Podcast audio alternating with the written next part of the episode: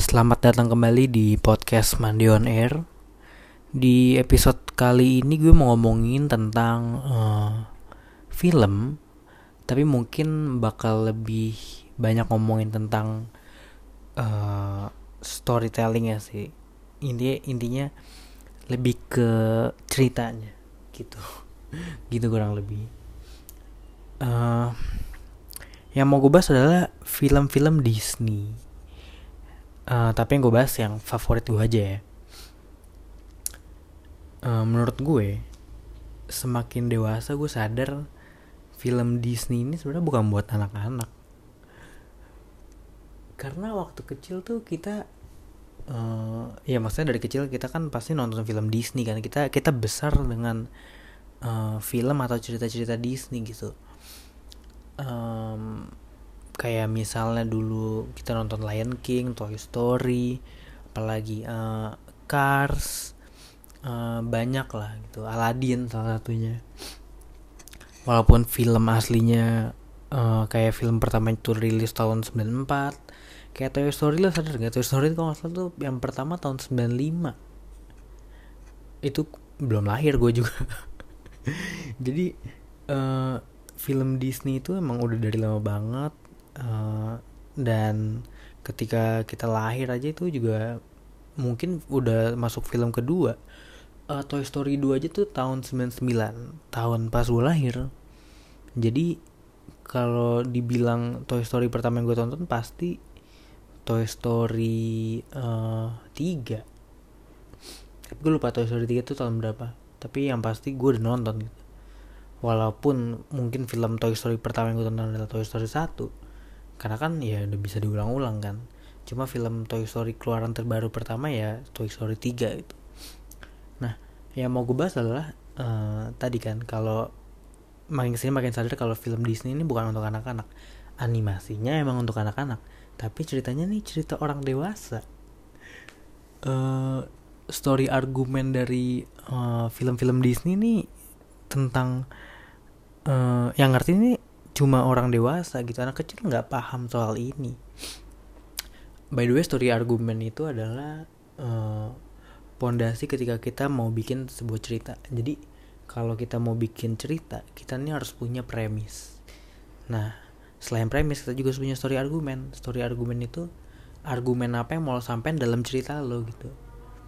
Kayak misalnya Toy Story itu story argumennya adalah tentang uh, perubahan itu adalah hal yang wajar gitu. Itu story argumen namanya. Uh, dan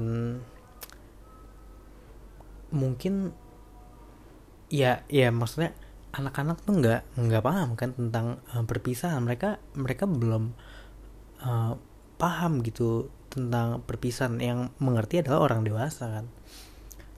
Uh, ya mungkin anak-anak ABG juga paham gitu tapi semakin dewasa semakin kita paham sama arti dari argumen tersebut bahwa inti dari Toy Story ini satu dua tiga adalah tentang hmm, perpisahan gitu.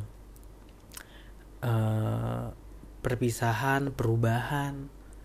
Kalau yang pertama itu emang spesifik perubahan kayak pertama kali Woody uh, kedatangan Buzz Lightyear. Jadi uh, Woody ini kan salah satu mainan favoritnya Andy kan terus datanglah Buzz Lightyear. Uh, ya Woody awalnya nggak bisa nerima uh, perubahan itu tapi pada akhirnya Woody bisa nerima kalau perubahan itu adalah hal yang pasti. Nah di Toy Story 3 juga gitu. Nah Toy Story 3 kayak salah satu film Disney favorit gue.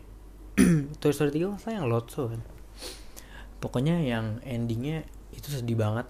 Andy ngasih semua mainannya ke satu anak kecil namanya Bonnie kalau salah. Uh, di situ tuh momen paling sedih karena kita udah ngikutin uh, journey-nya mainan-mainan ini sama Andy dari Toy Story 1 sampai 2 pada akhirnya Andy akhirnya dewasa dan harus berpisah gitu dan uh, si Woody-nya juga ngalamin proses pendewasaan dari yang nggak terima sampai akhirnya oh ya udah ternyata emang uh, perjalanan kita emang udah selesai di sini sama Andy. Kita harus pindah gitu karena Andy ini udah semakin besar.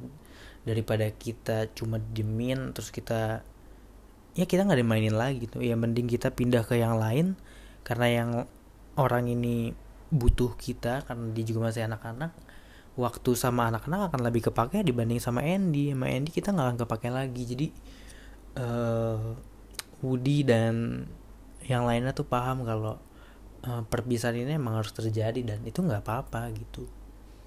Karena di balik perpisahan uh, maksudnya setelah perpisahan pasti ada hal baru yang dimulai gitu dan itu nggak apa-apa. Jadi jadi cerita-cerita kayak gini tuh nggak untuk anak kecil kan. Menurut lo untuk anak kecil apa enggak enggak kan? Ini cuma ya umuran anak ABG dan ya lebih spesifiknya dewasa yang paham akan uh, argumen tersebut gitu. Terus apa lagi ya? Uh, Lion King juga Lion King juga bagus tentang uh, Simba yang ngira untuk dapetin uh, title kerajaan yang diturunin dari bokapnya tuh segampang itu padahal enggak gitu. Terus juga untuk uh, kita belajar bahwa kita tuh nggak boleh lari dari tanggung jawab gitu. Pas scene-nya Mufasa mati kalau salah deh. Itu sama Scar kan kayak dibilang Simba lo lari aja kabur aja gitu. padahal seharusnya nggak kayak gitu. Dan tapi kan pada akhirnya Simba sadar kalau semuanya tanggung jawabnya dia. Dia nggak boleh kabur dari uh, tanggung jawab. Dan dia tahu efek dari dia lepas tanggung jawab adalah uh, daerahnya dia atau tempat tinggalnya dia nih jadi jatuh ke tangan orang yang nggak tepat. Padahal seharusnya itu dia. Ada posisi itu seharusnya Simba yang isi gitu. Tapi karena dia lari tang dari tanggung jawab jadinya ada orang yang uh, apa ada ya ada orang yang nempatin dan dia bukan orang yang uh, tidak bertanggung jawab lah atas karena niatnya untuk menguasai wilayah tersebut udah tidak baik gitu. Uh, pokoknya banyak banget lah film Disney yang kayak Soul juga salah satu Soul tuh. Soul salah satu film favorit gue kayak tentang uh, panjang sih tapi tapi bisa deh di next next episode deh ngomongin soal Soul karena gue juga suka. Uh, jadi itu dulu aja untuk yang episode kali ini. Karena gue juga lagi nabung-nabung episode jadi biar panjang aja agak licik. Tapi itu aja untuk minggu ini. Sampai ketemu di minggu depan